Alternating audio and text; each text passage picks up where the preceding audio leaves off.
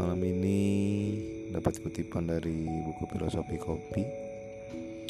cemas segelas kopi yang bercerita kepadaku bahwa yang hitam tak selalu kotor dan yang pahit tak selalu menyedihkan.